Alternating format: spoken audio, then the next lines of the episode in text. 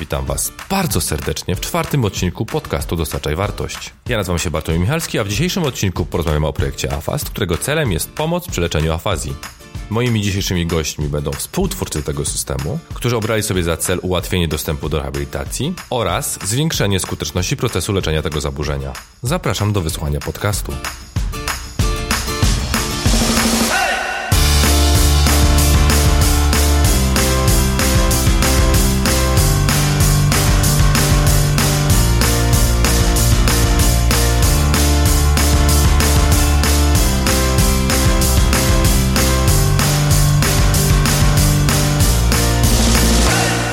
Dzisiejszymi gośćmi są Zuzanna Miodońska i Michał Kręcik-Fost, doktoranci Politechniki Śląskiej oraz Krzysztof Mrozowski, programista freelancer. Witamy bardzo serdecznie. Dzień dobry. Cześć. Powiedzcie mi na samym początku, co kryje się za nazwą AFAST? Czym jest ten projekt? Może zacznę. AFAST jest to darmowa platforma do rehabilitacji osób z afazją. Tak najkrócej rzecz biorąc.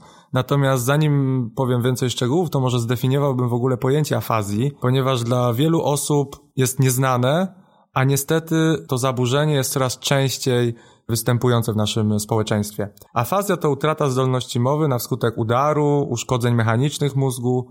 Osoba traci zdolność komunikacji, nie umie mówić, nie umie zrozumieć tego, co się do niej mówi. Człowiek staje się takim jakby zamkniętym pudełkiem, do którego bardzo ciężko coś włożyć albo coś uzyskać. Wchodząc na waszą stronę internetową, próbując dowiedzieć się, czym jest wasz projekt, znalazłem takie cztery jakby główne bloki, mówiące mi o takich pojęciach jak afazja, darmowa rehabilitacja, polisensoryczność oraz opracowana przez specjalistów. To są tak jakby hasła, które reklamują wasz projekt. Wiemy, czym jest afazja, ale jak te pozostałe pojęcia, dlaczego one są dla was istotne i dlaczego je wymieniliście w pierwszej kolejności? Jasne, jeżeli osoba by się już zainteresowała afazją, rehabilitacją tego zaburzenia, to każdy logopeda, każdy terapeuta powie, że, że rehabilitacja ta jest procesem długotrwałym, nużącym, wymagającym bardzo dużo cierpliwości od terapeuty czy logopedy i oczywiście pacjenta. I tutaj bardzo ważnym elementem okazuje się właśnie wielopłaszczyznowe działanie na pacjenta, czyli ta polisensoryka, którą, którą wymieniłeś. Jest to jeden z głównych celów wykorzystania narzędzi multimedialnych, by właśnie pacjent podczas rehabilitacji mógł korzystać nie tylko z jednego zmysłu czy z dwóch, tylko próbować wszystkie zmysły podczas tej rehabilitacji wykorzystać. Polisensoryka, czyli wielozmysłowe działanie na pacjenta, czyli działamy przez wzrok, przez słuch, przez dotyk, koordynację oko-ręka, ponieważ pacjent musi wykonywać pewne ruchy, czasem skomplikowane, czasem mniej skomplikowane przy użyciu myszki, czy dotykać określone obszary na tablecie. I to wszystko jest jakby takim jednym ważnym, istotnym elementem naszego projektu, naszego programu. Czyli tak najprościej rzecz mówiąc, AFAS no to jest zbiór ćwiczeń rehabilitacyjnych dla pacjentów, którzy borykają się z tym problemem. Jest tych ćwiczeń tam ponad 30 grup. W tych ćwiczeniach mogą oni widzieć pewne sytuacje, pewne e, czynności, na przykład rozpoznawać kolory. Tam lektor czyta, co to jest za kolor, na ekranie jest pokazane, jaki to jest kolor i zadaniem pacjenta jest wybranie, co ten lektor czyta. Taki przykład. Specyfika afazji jest taka, że dotyczy po pierwsze pewnej grupy osób, głównie osób starszych, nie tylko, ale głównie osób starszych, Wobec tego istotne było żeby to było dostępne. Stąd y, reklamujemy Afasta jako narzędzie darmowe, jest faktycznie darmowy, po to, żeby osoby, które często nie mają środków na terapię, mogły faktycznie z tego skorzystać. To było dla nas bardzo ważne, żeby to było dostępne po prostu, z uwagi właśnie na grupę docelową, jaka była tą grupą główną. Poza tym terapia afazji wymaga faktycznie wiedzy specjalistycznej, stąd opracowanie przez specjalistów, to kolejne pojęcie, również było kluczowe do tego, żeby ten produkt rzeczywiście mógł mieć odpowiednią jakość, żeby faktycznie pomagać ludziom. Więc zaangażowanie tak naprawdę bardzo wielu osób w ten projekt, logopedów i to specjalistów w zakresie afazji, ponieważ logopedzi również mają swoje specjalności później.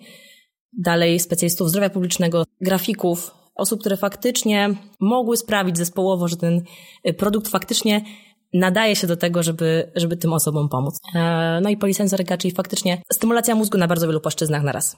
Po to, żeby odbudować te funkcje, które były utracone. Głównie, chodzi nam głównie właśnie o to, żeby ten mózg, który doznał uszkodzeń, właśnie skutek udaru lub uszkodzeń mechanicznych, mógł podjąć na nowo pewne funkcje. Żeby inne obszary mózgu mógł się włączyć, aktywizować po to, żeby te funkcje mowy mogły zostać chociaż częściowo przywrócone.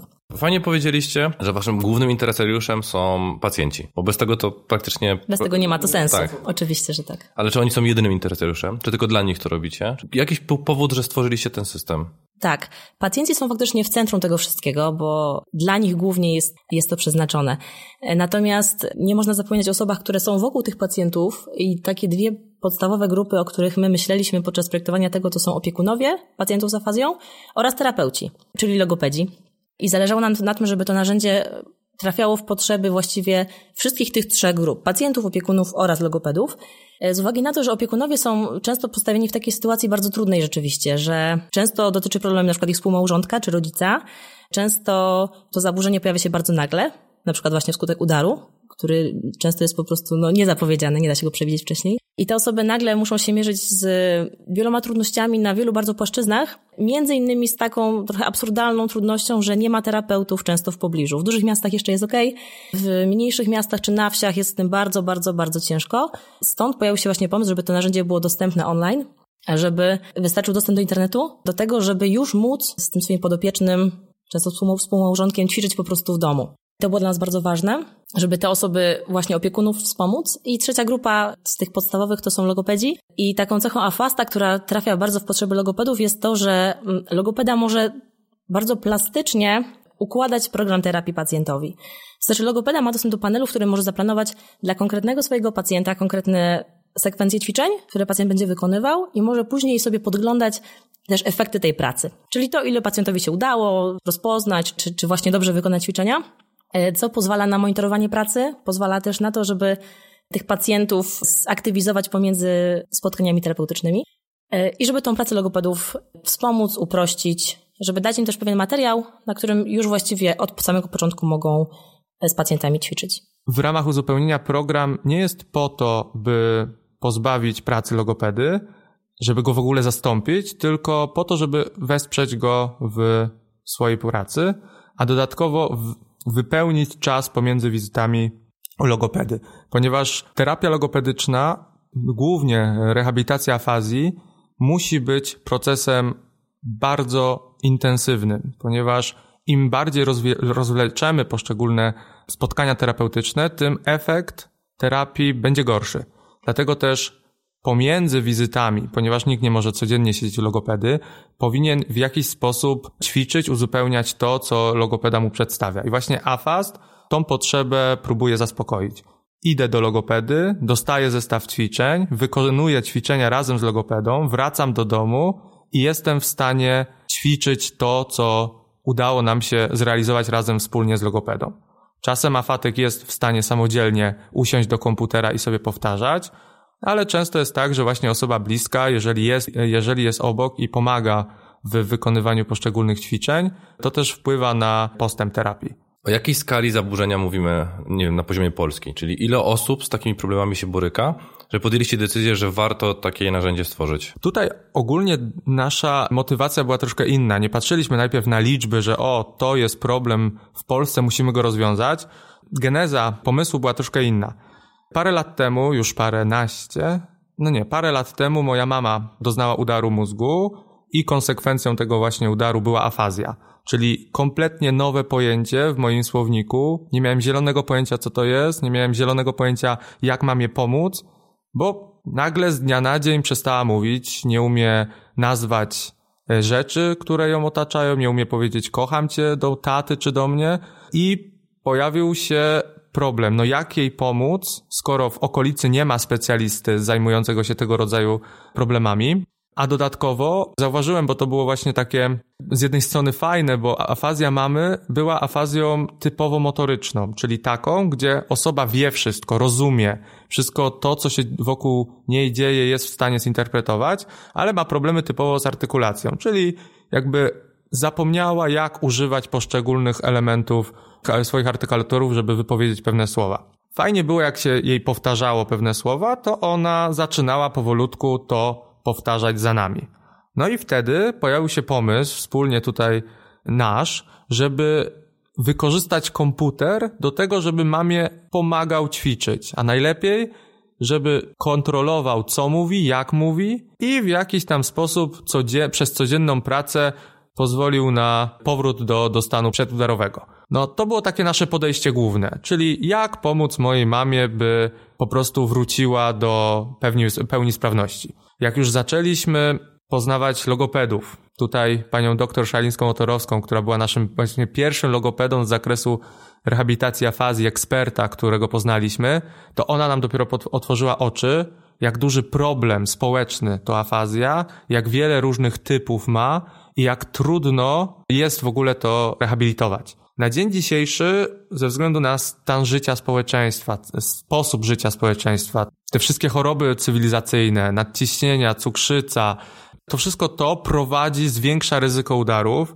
E, główną przyczyną afazji e, są udary niedokrwienne mózgu. E, szacuje się, że co roku udarowców przybywa w Polsce około 60 tysięcy, z czego 30% ma problemy z mową, czyli z afazją. Czy na rynku w ogóle nie było żadnych narzędzi, nie było żadnych innych możliwości, które od razu mogły, wiecie, wziąć spółki, czy też kupić, zapłacić w jakimkolwiek innym modelu i zacząć z tego korzystać, że od razu musieli, wpadliście na pomysł, a stworzę sobie własne narzędzie do realizacji tej rehabilitacji? Kiedy pojawił się w naszych głowach pomysł, byliśmy na studiach. Byliśmy jeszcze młodsi.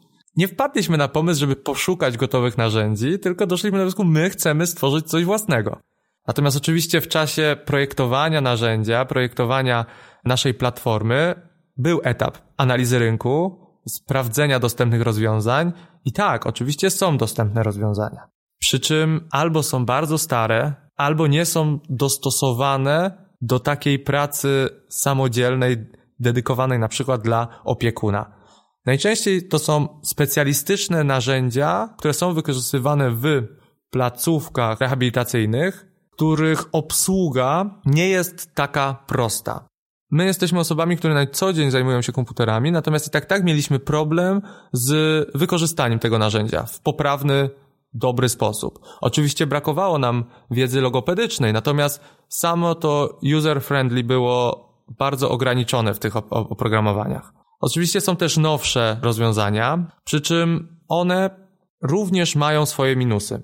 Głównym minusem takich rozwiązań jest właśnie słaby sposób personalizacji terapii. Każdy logopeda podkreśla zawsze, że nie można danego pacjenta wrzucić do konkretnej terapii, tylko trzeba dostosować terapię do niego. To był jeden z elementów, które nam przyświecały podczas tworzenia naszego narzędzia. Problemem też bardzo istotnym w tych rynkowych rozwiązaniach było to, że one były faktycznie bardzo drogie, ponieważ one były projektowane głównie właśnie do użytku przez logopedów w gabinetach, z założeniem, że poradnia czy placówka kupi sobie takie oprogramowanie, więc e, nierzadko te koszty były naprawdę bardzo wysokie, w ogóle nieosiągalne dla znowu dla tej grupy docelowej, tak? Często dla emerytów, często dla osób, które borykają się z innymi trudnościami przez to, że właśnie jedna osoba jest wyłączona właściwie z życia zawodowego. Zależało nam na tym, żeby to rozwiązanie było właśnie bardzo dostępne, żeby ono pod względem finansowym nie, nie tworzyło żadnej bariery, i też, y, żeby było dopasowane, to już Michał wspomniał, y, do konkretnie pacjentów dorosłych, ponieważ y, są też, też takie systemy, na których często logopedzi pracują, które na przykład z kolei są darmowe albo są niedrogie, ale materiał, który w nich jest, jest typowo dostosowany dla dzieci. Natomiast trudno oczekiwać, żeby osoba, która na przykład właśnie ma lat 50 plus, czy 60, czy 70 plus, cieszyła się z tego, że ćwiczy na materiale, który jest po prostu infantylny.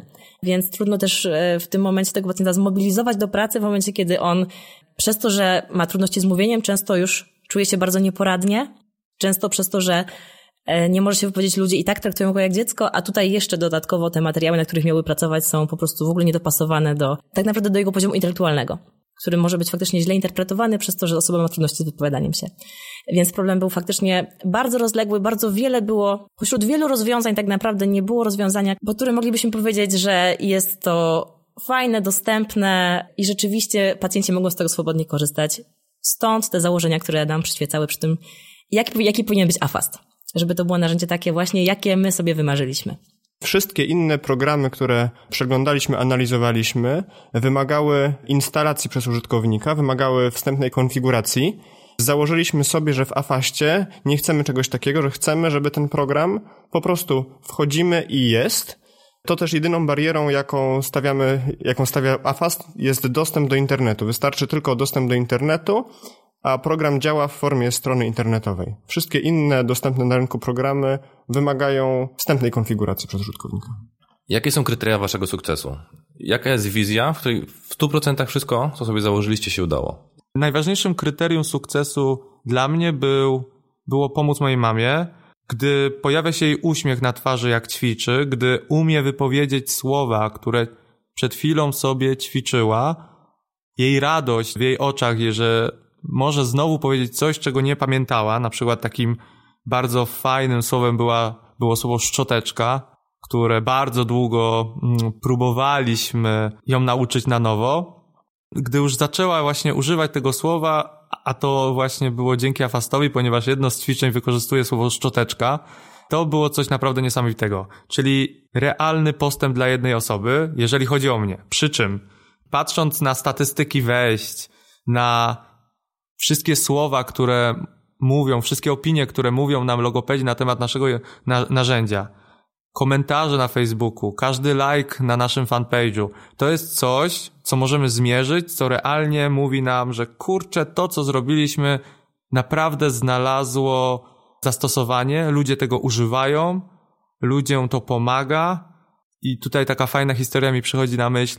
Konferencja logopedyczna w Krakowie, my nie jesteśmy zaproszeni, ale jedna logopedka znajoma opowiada nam, słuchaj, prowadziłam sesję i nagle pewna pani z Szczecina zaczyna opowiadać i mówić o afaście, że używa w terapii, że widzi realne jego zastosowanie i cieszy się, że na śląskiej ziemi powstało takie narzędzie. No i to jest jeden z przykładów, które my naprawdę coraz częściej słyszymy i aż serce rośnie, jeżeli naprawdę udało nam się stworzyć coś, co pomaga, co znalazło zastosowanie i może pomóc tym ludziom, którzy no, którzy mają ciężko, którzy naprawdę mają ciężko.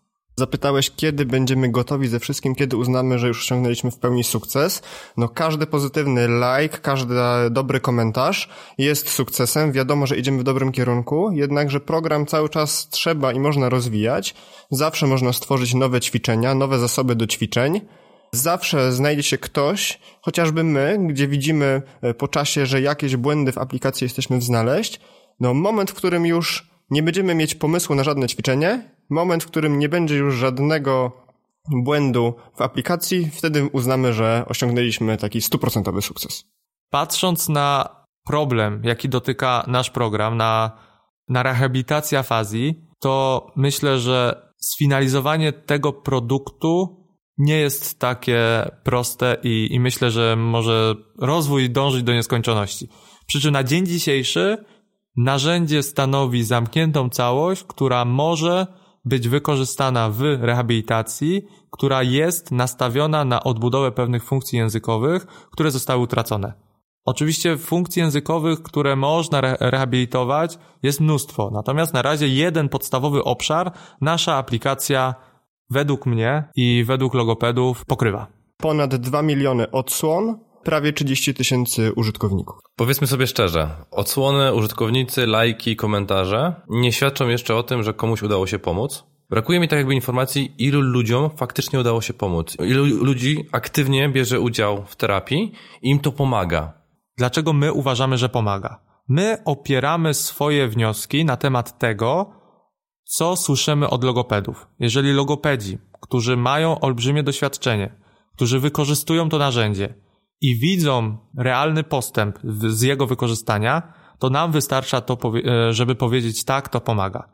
Oczywiście lepiej by wyglądało, że z 100 osób, które były wykorzystane do badań, w 60 czy w 70% widać realny postęp przy użyciu multimediów, przy użyciu naszego konkretnego programu, byłoby super. Natomiast na dzień dzisiejszy wiemy, że pomaga, ponieważ eksperci, którzy pomagali w kreowaniu na, e, narzędzia. Eksperci, którzy używają tego narzędzia, a nie byli w naszym zespole, mówią, że to jest dobre i że to realnie wpływa na postęp rehabilitacji. Tutaj jest jeszcze istotne to, że pracujemy z zaburzeniem neurologicznym i trzeba wziąć pod uwagę, że czasami ten postęp e, nie jest widoczny od razu. Pacjenci też y, mają bardzo różne czasami uszkodzenia, mają różne predyspozycje do tego, żeby ta terapia przynosiła efekty, więc tak naprawdę bardzo trudno jest liczbowo ocenić na ten moment, czy pan Andrzej, który ćwiczył powiedzmy przez trzy miesiące po godzinie dziennie, zrobił postęp zadowalający, czy może zrobił bardzo mały.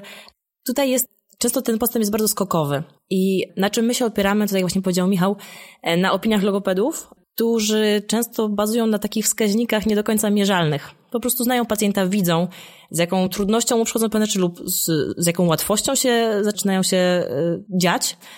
Istotny jest sam fakt tego, że żeby był jakiś postęp w afazji, to te ćwiczenia muszą być bardzo regularne. I ja myślę, że takim całkiem zdrowym założeniem jest to, że jeżeli pacjent ćwiczy faktycznie z aplikacją, nawet gdyby ćwiczył z książką codziennie, to na pewno ten postęp jest, a przynajmniej e, nie ma degeneracji tych, e, tych funkcji mózgowych, więc to jest bardzo istotne. I teraz jaka jest wyższość programu właśnie nad jakimiś innymi materiałami, e, pomocami dydaktycznymi czy, czy terapeutycznymi, taka, że jest to gotowe. Bo na przykład opiekun nie musi wymyślać ćwiczeń, nie musi dobierać materiałów, ale na podstawie tego, co terapeuta wcześniej zlecił, może po prostu z tym programem pracować, ten pacjent może sobie swobodnie ćwiczyć właściwie ile tylko chce w ciągu dnia. Ten przekaz polisensoryczny jest cały czas mu dostarczany, e, więc jest to po prostu duże odciążenie i duże ułatwienie pracy, która albo by musiała być wykonana za pomocą jakichś innych materiałów, y, co być może byłoby barierą, lub prawdopodobnie w ogóle nie byłaby wykonywana, co na pewno skutkowałoby tym, że stan tego pacjenta by się pogarszał, a w najlepszym razie nie polepszał. A to, że pacjenci ćwiczą, jesteśmy w stanie udowodnić w naszych statystykach, ponieważ jest taki wskaźnik jak procent powracających użytkowników na stronę i wynosi on 70%. Nowych użytkowników 30, 70% powracających. Jak wyglądał proces pracy nad tym produktem? Bo już wiemy, że skąd się to pojawiło, ale jak wyglądały kolejne etapy do tego momentu, w którym w chwili obecnej jesteśmy? Historia tworzenia naszej platformy od pomysłu do stanu, który mamy dzisiaj, jest długa. Jest długa, ciężka i bardzo, bardzo ciekawa. Wszystko zaczęło się tak, jak e, na początku mówiliśmy, od wypadku mojej mamy. Na początku pojawiła się w, w głowie trzech studentów wizja aplikacyjki, Później ta wizja została rozbudowana przez kontakt z logopedami. Później olbrzymia wizja została okrojona przez jednostki, z którymi zaczęliśmy współpracować. Tutaj ukłon w stronę Technoparku Gliwickiego, stronę Fundacji Salus Publica na rzecz zdrowia publicznego w Krakowie oraz wszystkich, wszyscy mentorzy, którzy wsparli nas swoim olbrzymim doświadczeniem, olbrzymią wiedzą i w głowach studentów, którzy uważali, że pisanie oprogramowania to jest choć siadamy i piszemy i najważniejszy jest kod, pokazali, że oprócz samego pisania kodu ważne jest dokładne zgłębienie potrzeb użytkownika, dokładne przygotowanie się do pisania, tworzenia tego rozwiązania, przygotowanie tego, co dokładnie użytkownik potrzebuje, zdefiniowanie jego potrzeb, a dopiero potem na końcu siedzenie i kodowanie tego, co chcemy. AFAS to była taka olbrzymia szkoła życia, która nam pokazała, co trzeba zrobić, jak trzeba poprowadzić pracę, żeby dostać konkretny, realny produkt, który będzie można pokazać komukolwiek oprócz grupy, która go tworzy. Pierwszym etapem było właśnie zaznajomienie się i w ogóle poznanie e, różnych ścieżek tworzenia oprogramowania. Natomiast my w trójkę zaczęliśmy w jakiś sposób przez wiele pomyłek, wiele ślepych zaułków e, zbudować sobie własny proces, który pozwolił na zbudowanie oprogramowania. Otoczyliśmy się świetnymi ludźmi, którzy naprawdę nas w tym e, wsparli. No i mieli czas, mieli czas, żeby nam go poświęcić i żeby, żebyśmy mogli stworzyć coś, o, o czym dzisiaj e, możemy opowiadać. Ważnym aspektem jest skąd e, środki na to, by zrealizować tego rodzaju projekt. Skąd środki, by zdobyć pieniądze na grafików, na lektorów, na programistów, na wsparcie, na, na to wszystko, żeby można było e, zbudować narzędzie. No tutaj kolejny raz ukłon w stronę Technoparku, który wychwycił nas z grupy studentów, powiedział, że wasz pomysł jest fajny, chcemy wam pomóc i właśnie wspólnie udało nam się przygotować wniosek do Narodowego Centrum Badań i Rozwoju w konkursie Innowacje Społeczne i otrzymać dofinansowanie, które realizację wizji i pomysłu strasznie przyspieszyło. Coś, co byśmy robili nie wiadomo jak długo, udało nam się spiąć i w dwa lata stworzyć. Zauważcie, że idea była prosta, tak na samym, początku. Pomóc mojej mamie, nie? To, to, jak Michał mówi, to nawet po prostu tutaj czuć i widać, że jak mówisz o innych rzeczach, to jest, wiesz, ciszej, a jak mówisz o rzeczach, które, to, to nie jest obca dla was rzecz, nie? To jest rzecz, która jesteście bardzo silnie związani emocjonalnie, ale jednak doprowadziliście różnymi trudami, to chyba już 4 lata, tak? Czy nawet za niedługo będzie więcej, do tego, że faktycznie to jest na rynku, faktycznie każdy sobie może wejść na www.afast.pl, może sobie założyć konto, nie płaci nic, jak jeszcze ma jakiegoś logopedę, to można to, wiesz, w jakiś sposób połączyć i już można zacząć rehabilitację. Ale to nie jest tak, że magia i wiesz, to się pojawiło, tylko chodziliście po różnych miejscach, załatwialiście, przekonywaliście do ludzi. Myślę sobie teraz o takim czymś, co kiedyś powiedział nasz starszy kolega właśnie z uczelni, że jednak w takich rzeczach czasami najbardziej kluczowy jest timing po prostu odpowiedni. I my oprócz tego, że mieliśmy pewien pomysł, który był dla nas ważny, po prostu w odpowiednich momentach tak naprawdę spotkaliśmy odpowiednie osoby. W odpowiednich momentach okazało się, że trafiliśmy na ludzi właśnie na przykład na Technopark, którzy wiedzieli, co z tym dalej zrobić którzy nas trochę pokierowali. No nie ma co ukrywać, że my jako studenci nie za bardzo wiedzieliśmy w ogóle jak to wszystko ugryźć. Mieliśmy mieliśmy plany, które potem się okazały po prostu trochę mało realne. Okazało się, że to wymaga po prostu dużo więcej jednak pracy niż dużo więcej elementów rzeczywiście całej tej układanki musiało się, musiałoby się złożyć niż to, co na początku nam się wydawało. I faktycznie tak naprawdę czas, to, że akurat wtedy był ten konkurs tak naprawdę, bo to była chyba ostatnia edycja konkursu Innowacje Społeczne, więc to jest coś takiego, y, co ja, o czym ja sobie myślę, że z jednej strony jest to faktycznie ogrom pracy, a z drugiej strony jest w tym jakaś taka właśnie iskra, y, nie wiem, przypadku, y, szczęścia, błogosławieństwa, jakkolwiek, nie? Która po prostu pozwala to wszystko dopiąć. Bo gdyby nie było tych ludzi w odpowiednim momencie, gdyby nie było tego konkursu w tamtym czasie, gdyby nie było też logopedów, którzy włożyli naprawdę ogromną pracę w to, ponieważ ten proces projektowania, akurat doktor, doktor była z nami dużo, dużo wcześniej i ona z nami e, tak naprawdę współtworzyła takie pierwsze koncepcje, które w ogóle nie były zaczepione o żadne finanse, o żaden tak naprawdę real. To było wszystko jeszcze cały czas w głowie. Logopedzi, którzy później się zaangażowali, w większości jednak charytatywnie. Byli logopedzi, którzy pracowali nad projektem konkretnie, w sensie pracowali nad ćwiczeniami, nad wsadem merytorycznym i oni byli zatrudnieni w projekcie, ale było jeszcze całe grono osób, które pracowało rzeczywiście wolontaryjnie, nie w takim dużym zakresie czasowym, ale faktycznie pozwalając nam chociażby przeprowadzić warsztaty w gronie logopedów, czy zapoznać się z pacjentami, czy wejść do pewnych placówek, do których byśmy y, nie wyszli, gdyby nie dobra wola pewnych osób. Po prostu. Ja myślę, że dużo zależało od nas, ale chyba jeszcze więcej zależało po prostu od tego, że trafiliśmy rzeczywiście na bardzo takie świadome społecznie osoby, osoby, którym zależało, które chciały coś zrobić, które chciały coś, które chciały coś zmienić po prostu. Tutaj też bardzo ważnym i ciekawym elementem było to, że my podjęliśmy się wyzwania stworzenia oprogramowania w nieznanej nam technologii, nie mając wiedzy z zakresu projektowania aplikacji, nie mając doświadczenia, które mówiłoby, nie można iść tą stroną, nie można iść w tą stronę, bo to wszystko padnie. Wszystko zaczęliśmy samodzielnie, plus właśnie słuchając wszystkich swoich mentorów, dochodzić do pewnych, pewnych, pewnych rozwiązań. Tutaj też wielki ukłon w stronę studentów Wydziału Inżynierii Biomedycznej, które, którzy okazali, okazali nam olbrzymie wsparcie, koło inżynierii biomedycznej, które wspólnie z nami realizowało y, pewne prace programistyczne, pomagali nam w testowaniu manualnym, przeklikiwaniu milion razy tych samych y, ćwiczeń, przesłuchiwaniu lektora, szukaniu błędów, przeklikiwaniu innych elementów aplikacji, żeby znaleźć te rzeczy, które na, dla, dla nich są bez sensu, które nie działają, które warto było poprawić no, olbrzymi, olbrzymie zaangażowanie właśnie, tak jak Zuza powiedziała, ludzi, którzy chcieli pomóc nam za darmo.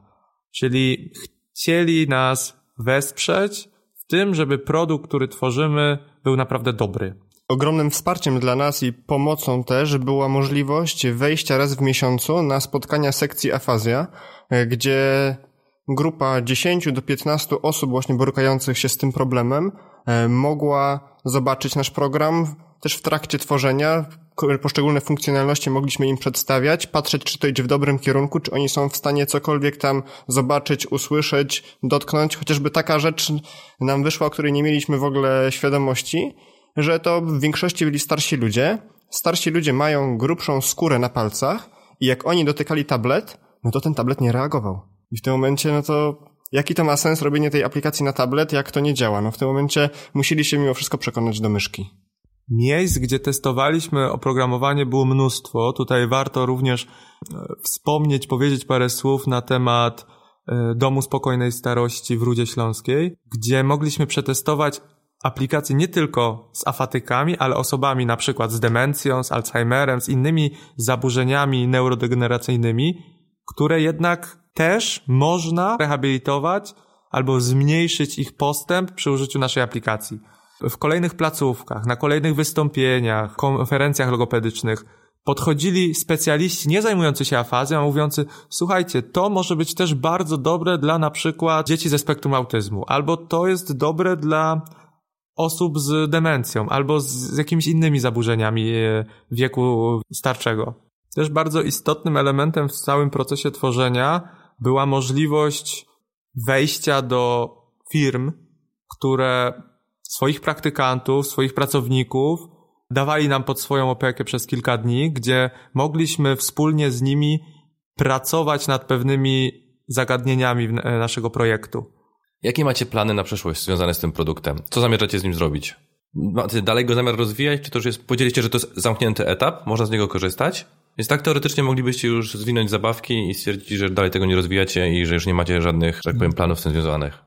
Po wielu latach utrzymywania aplikacji, kontrolowania błędów, które się pojawiały, zbierania całego feedbacku od użytkowników, dojrzeliśmy do takiej decyzji, że warto byłoby zastanawiać się teraz nad wersją AFAS 2.0, która by rozwiązała problemy, które etap tego testowania nam e, dostarczył, która by troszkę zmieniła filozofię rozbudowy samej aplikacji. Ponieważ na dzień dzisiejszy aplikacja jest zamknięta, jej źródło jest zamknięte, jest, jest oczywiście za darmo, publiczna, dostępna, natomiast źródło samej aplikacji jest własnością e, Salus Publiki, Fundacji z Krakowa.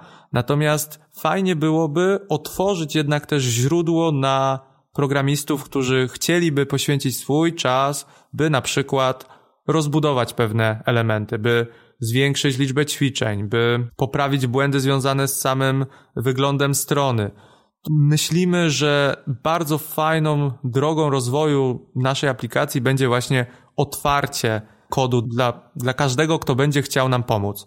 I tutaj od razu się pojawia czwarty interesariusz naszego, naszej aplikacji, czyli programista, który będzie chciał zrobić coś dla naszej aplikacji, by dołożyć cegiełkę do naszego, do naszej misji, do naszego projektu, do narzędzia, który ma pomóc osobom z afazją. Kiedy realnie planujecie otworzyć kod i dać do niego dostęp? Czekamy na pewne decyzje, na, muszą się rozwiązać pewne kwestie formalne, ponieważ pamiętajmy, że cały projekt został stworzony na, dzięki Narodowemu Centrum Badań i Rozwoju, dzięki e, pieniądzom z Narodowego Centrum Badań i Rozwoju i pewne elementy musimy jeszcze opracować, rozwiązać, pozamykać i wtedy będziemy mieli pewność, że możemy to na przykład otworzyć.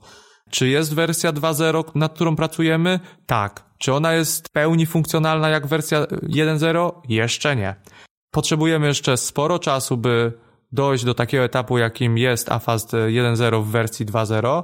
Natomiast y, nie chcemy zamknąć tego rozdziału w naszym życiu. Chcemy, by ten projekt ciągle się rozwijał, był, ponieważ jest potrzebny. I wydaje nam się, że zakończenie tego etapu, jakim jest AFAS, nie byłoby dobrym, dobrym krokiem z naszej strony.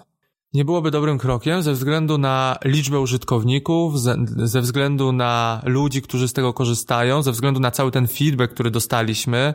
Logopedom się podoba, ale chcą więcej. Chcą rozszerzyć aplikację po pewne, o, o pewne elementy. Chcą, by personalizacja była, miała jeszcze więcej opcji. Jest wiele różnych elementów, które warto było poprawić, które pozwoliłyby na przykład, by osoby na innych etapach e, głębokości afazji mogły z niej korzystać. Na przykład fajnie byłoby, żeby aplikacja była dostosowana do afatyków, którzy by chcieli nauczyć się pisać czy czytać. Fajnie byłoby, jakby był jakiś silnik rozpoznawania mowy, tego co osoby wypowiadają, żeby jakby stworzyć system z, wy z wykorzystaniem biofeedbacku. Tutaj jakby aspekty, które, e, strony rozwoju naszej aplikacji są olbrzymie. ale na rozwój oczywiście potrzebne są środki, więc jak tylko pozamykamy, jak Michał mówił, kwestie formalne i będziemy wiedzieć, co tak naprawdę możemy robić dalej, będziemy starać się o uzyskanie kolejnych projektów, środków, sponsorów i dobrych ludzi, którzy chcą nam pomóc. Jak się z wami skontaktować? Jeżeli ktoś, wiecie, ma potrzebę, nie wiem, pomocy, rehabilitacji, nie do końca wie, czy jest to dla niego narzędzie, nie do końca wie, czy jesteście mu w stanie pomóc, ale u was w jakimś stopniu usłyszał. E, przede wszystkim Facebook, tam najłatwiej, najszybciej odpowiemy. E, drugie to e, e-mail. I trzeci to jest strona afast.pl, na której można znaleźć pozostałe informacje, tak? Strona afast.pl i strona projekt afast.pl, no to właściwie jest w tej chwili prawie, że już to samo. W dziale kontaktowym jest tam adres e-mail, na który można napisać i wszystko się dowiedzieć. Wszystkie pozytywne komentarze i wiadomości, które wysyłają użytkownicy, są strasznie miłe, fajne, przyjemne dla nas. Uwielbiamy je czytać i staramy się wszystkim też na bieżąco odpisywać. Więc jeżeli ktokolwiek ma jakiekolwiek pytanie, czy dotyczące samej rehabilitacji, czy poszukiwania ekspertów, czy użycia naszej aplikacji, to my jak najbardziej zapraszamy do kontaktu. Osoby, które by chciały wesprzeć nas od strony programistycznej, od strony developingu, to jak najbardziej również mogą pisać i z wielką przyjemnością będziemy nawiązywać jakąkolwiek współpracę. Z każdą osobą, która znajdzie czas i chęci, by nam pomóc. Na końcu chciałbym serdecznie wszystkim podziękować, którzy nas wspierali i wspierają w realizacji tego projektu. Serdecznie chciałem Wam podziękować za udział w dzisiejszym odcinku. Mam nadzieję, że nasi słuchacze dowiedzą się więcej, czym jest Wasz projekt. Jeżeli będą chcieli się zaangażować programistycznie, to wiedzą, jak do Was uderzyć. Jeżeli mają jakieś znajomych czy problemy, czy osoby, które takie problemy, o których dzisiaj mówiliśmy, mają, też mogą się do Was zgłosić. Tak więc dzięki Wam za dzisiaj i do usłyszenia. Dziękujemy. Dziękujemy. Dziękuję serdecznie.